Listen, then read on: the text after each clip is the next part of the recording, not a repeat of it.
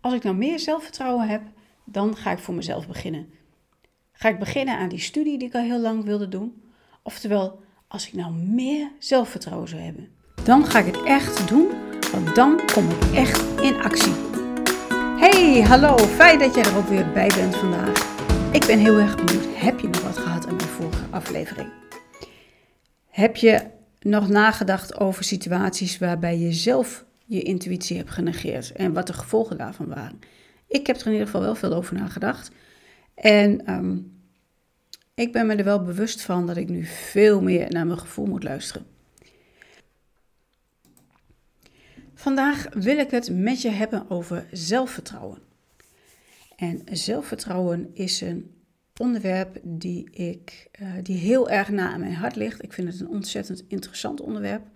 En ik kan daar hele gesprekken over voeren. Met mezelf, als ik de hond uitlaat, of als ik in bad lig, maar ook met vrienden, familie of collega's. Want wat is zelfvertrouwen eigenlijk? Nou, letterlijk vertaald is dat dus gewoon vertrouwen in jezelf. He, erop vertrouwen dat je iets kunt.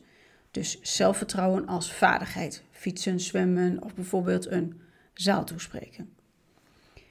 Een andere definitie van zelfvertrouwen is, zo blijkt het onderzoek naar zelfvertrouwen dat de laatste 50 jaar is gedaan, is zelfvertrouwen als waardigheid.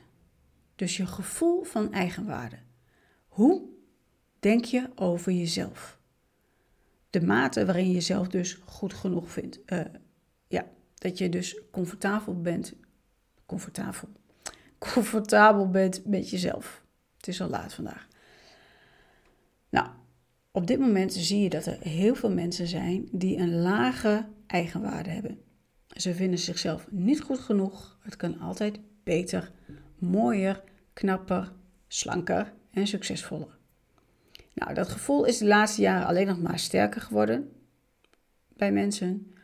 Um, coaches, psychologen, psychiaters hebben een ontzettend lange wachtlijsten. En ik geef toch wel voor een deel, uh, ook al zit ik zelf in het vak, social media de schuld. Want als je ziet uh, wat voor etalage dat eigenlijk is, dat mensen eigenlijk alleen maar posten waar ze succesvol in zijn, waar ze nu weer heen zijn geweest op vakantie. Uh, drie keer per jaar op vakantie. Kijk eens hoe knap ik ben. Oh, ik heb zo'n leuke relatie. En kijk, mijn kinderen dan, die zijn helemaal fantastisch. Die doen opleiding X. Kijk mij eens trotse moeder zijn. Nou, en als jij dus niet die moeder bent... Um, en je gaat je toch vergelijken met dat soort mensen waarvan je eigenlijk alleen maar de buitenkant ziet. Je ziet niet wat er achter de voordeur gebeurt. En ik ben er echt van overtuigd. Elk huisje heeft zijn kruisje. Goed, neem niet weg. Heel veel mensen gaan zichzelf dus vergelijken met die mensen. En die eh, komen altijd uh, minder er vanaf bij zo'n vergelijking. Je denkt nooit van, hé, hey, dat heb ik eigenlijk veel beter voor elkaar. Maar goed, dat deel van zelfvertrouwen, dat gaan we nog een keertje in een andere aflevering bespreken. Maar waar ik het nu met je over wil hebben, is het najagen van zelfvertrouwen, wat weer leidt tot een tegengesteld effect. Aan het einde van de podcast deel ik nog even een uitspraak met je eh, en die gaat je helpen om meer zelfvertrouwen te krijgen om gewoon aan de slag te gaan. Uh, wie wil dat nou niet?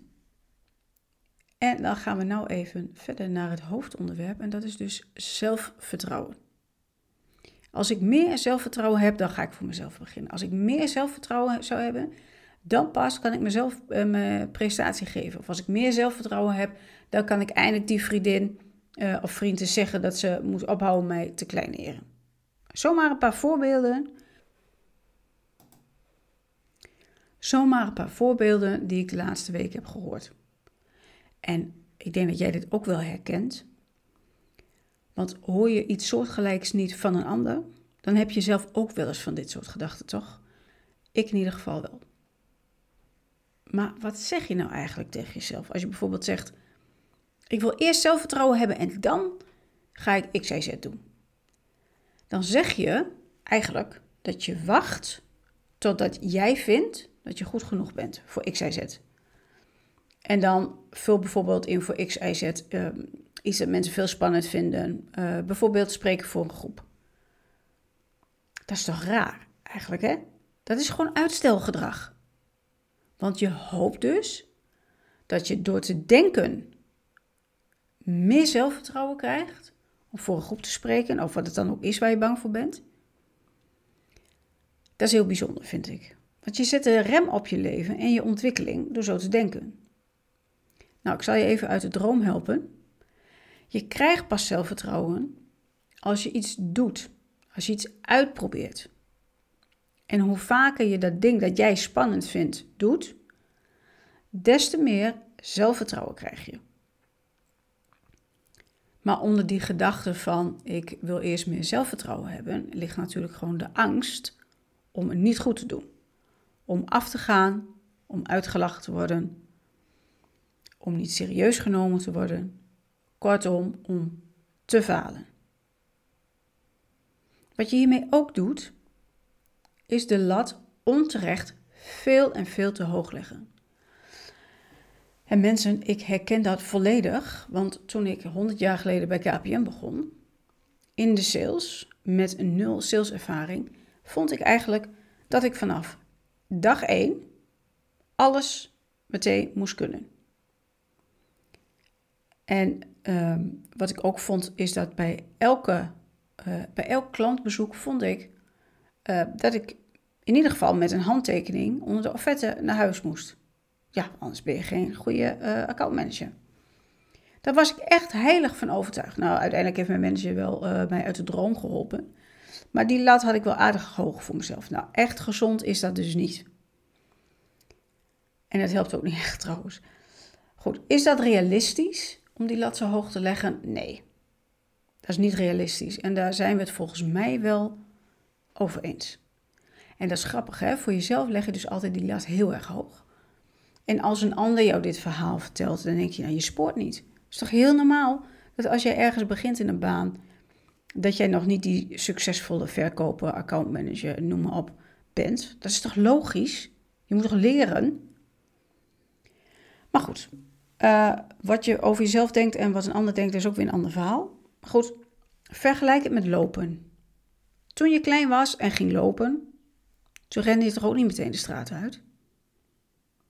Nee, je ging van kruipen naar optrekken, naar staan, naar losstaan en vervolgens zette je voorzichtig je eerste stappen.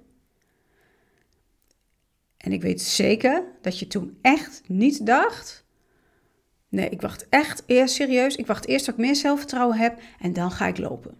Nee, je leert eerst lopen. In stapjes, letterlijk en figuurlijk. En dan krijg je zelfvertrouwen. En dit geldt natuurlijk niet alleen voor lopen, zwemmen, fietsen en noem maar op. Het geldt voor echt alles. Je moet die dingen die je eng vindt, moet je doen. Dan moet ik trouwens even een voorbehoud maken. Kijk, ik zal dus nooit gaan bungee jumpen. Dat vind, ik, dat vind ik eng, maar ik wil dat ook niet. Dus het is niet mijn. Dus niet alles wat je eng vindt, moet je per se doen. Alleen dingen die je eigenlijk wilt, of die nodig zijn op dat moment, uh, daar moet je niet eerst gaan wachten tot je zelfvertrouwen uh, krijgt. Daar moet je gewoon mee aan de slag, dat bedoel ik. Dus je hoeft, en je hoeft ook niet meteen in de diepe te springen, hè? even om in, uh, in de sferen van uh, bungee jump te blijven. Je hoeft niet meteen in de diepe te springen. Je moet die lat alleen niet zo hoog leggen dat het verlammend werkt. Kijk, ambitie is goed, maar het moet wel realistisch zijn. Dus begin met kleine stapjes, zodat je kunt leren. Je zit in een leerfase waarin je kunt experimenteren en daar leer je dus weer van. Kijk, als je voor jezelf wil beginnen, hoef je toch niet meteen je hele baan op te zeggen? Nee, dat doe je eerst naast je baan. Probeer die dingen gewoon uit en sta jezelf ook toe om te leren. Wat ik dus in het verleden bij KPN niet deed. Je moet gewoon weten, of realiseren, ik ben hier om te leren. En dan in één keer is die stress ook gewoon veel minder. Nou, ik neem mijzelf even als voorbeeld, alweer, ja, ik zie die toch alleen, deze podcast. Het is niet zo dat ik een volledige podcast, podcast, podcast maken ben, toch? ik maak fouten.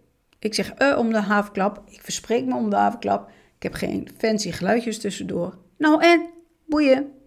Maakt me echt niks uit. Ik ben gewoon begonnen en gaandeweg leer ik wel en dan word ik beter. En misschien ook niet. Ja, hoe cares.